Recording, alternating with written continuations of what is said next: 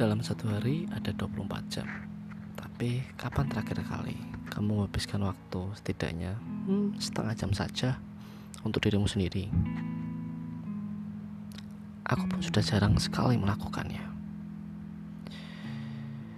Karenanya, lewat podcast ini, aku ingin memberikan waktuku untuk menyapa, mengajak berbicara, tertawa bersama, memikirkan masa depan bersama dengan diriku sendiri.